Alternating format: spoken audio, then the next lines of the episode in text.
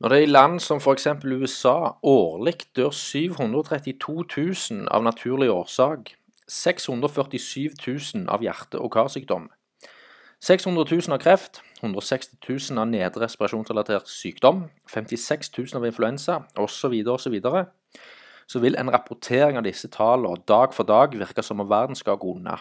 Og dette er faktiske tall fra CDC sjøl i 2017. Og Man kan jo også spørre seg hvorfor har sykdom som influensa slutta å eksistere oppi en såkalt pandemi der sykdomsforløpet er identisk til influensa. Bare en rapportering daglig og ukentlig på smittetall relatert til den årlige influensa ville virke dramatisk. For det er det denne såkalte pandemien vi lever oppi er basert på, altså smittetall på smittetall på smittetall. Folk må ta en test for å påvise at de er syke, CDC, altså Centers for Disease Control and Prevention i statene, er den største pådriveren for covid-19-restriksjonene og er underlagt Helse- og omsorgsdepartementet i USA.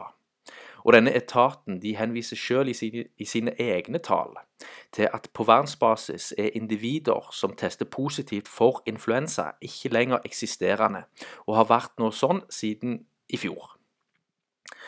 Eh, kort sagt, folk tester ikke positivt lenger for influensa. Og i de faktiske dødstilfellene relatert til covid-19, så blir dødssertifikatene i etterkant endra til å skyldes annen årsak, som jeg tidligere har vært inne på. Og Da nevnte jeg spesifikt de offentlige dødstallene fra Italia og USA, hvor hele 99% og 94% av dødstallene i stillhet ble trukket som covid-19-årsak. Og, en, og, et annet eh, tilfelle som jeg ikke tidligere har vært inne på, det er at i sommer som var, så hadde vi eh, på verdensbasis et dødstall som var under femårssnittet. Og dette oppi en pandemi. Men her kom òg flere innfallsvinkler inn. For det kan òg skyldes underrapportering pga. at folk generelt har vært skremt eller følt seg uvel med å oppsøke sykehus, klinikker etc. for hjelp. Men dette er på ingen som helst måte en unnskyldning når han snakker om en pandemi.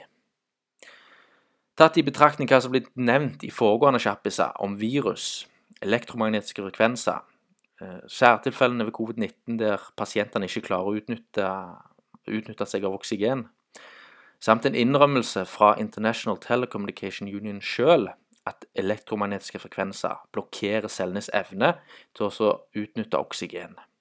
Alt dette og mer forekom på samme tidspunktet som 5G-nettet rulleres ut på verdensbasis for fullt blomst.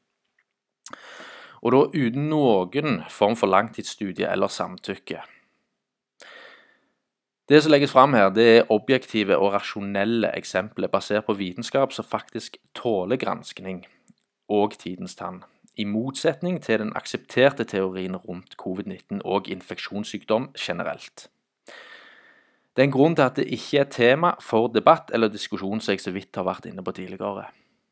Som et eksempel i England så blir enhver radiostasjon som tar opp 5G i korrelasjon med covid-19, fjernet fra lufta, som i seg selv er et tydelig tegn på den ytringsfriheten som virkelig eksisterer. For hva har de egentlig å skjule hvis det bare viser seg at dette her er tull og tøys? Jeg avslutter med å sitere Albert Einstein på godt norsk. Verden er ikke farlig pga. de som gjør skade, men pga. de som ser på uten å gjøre noen ting.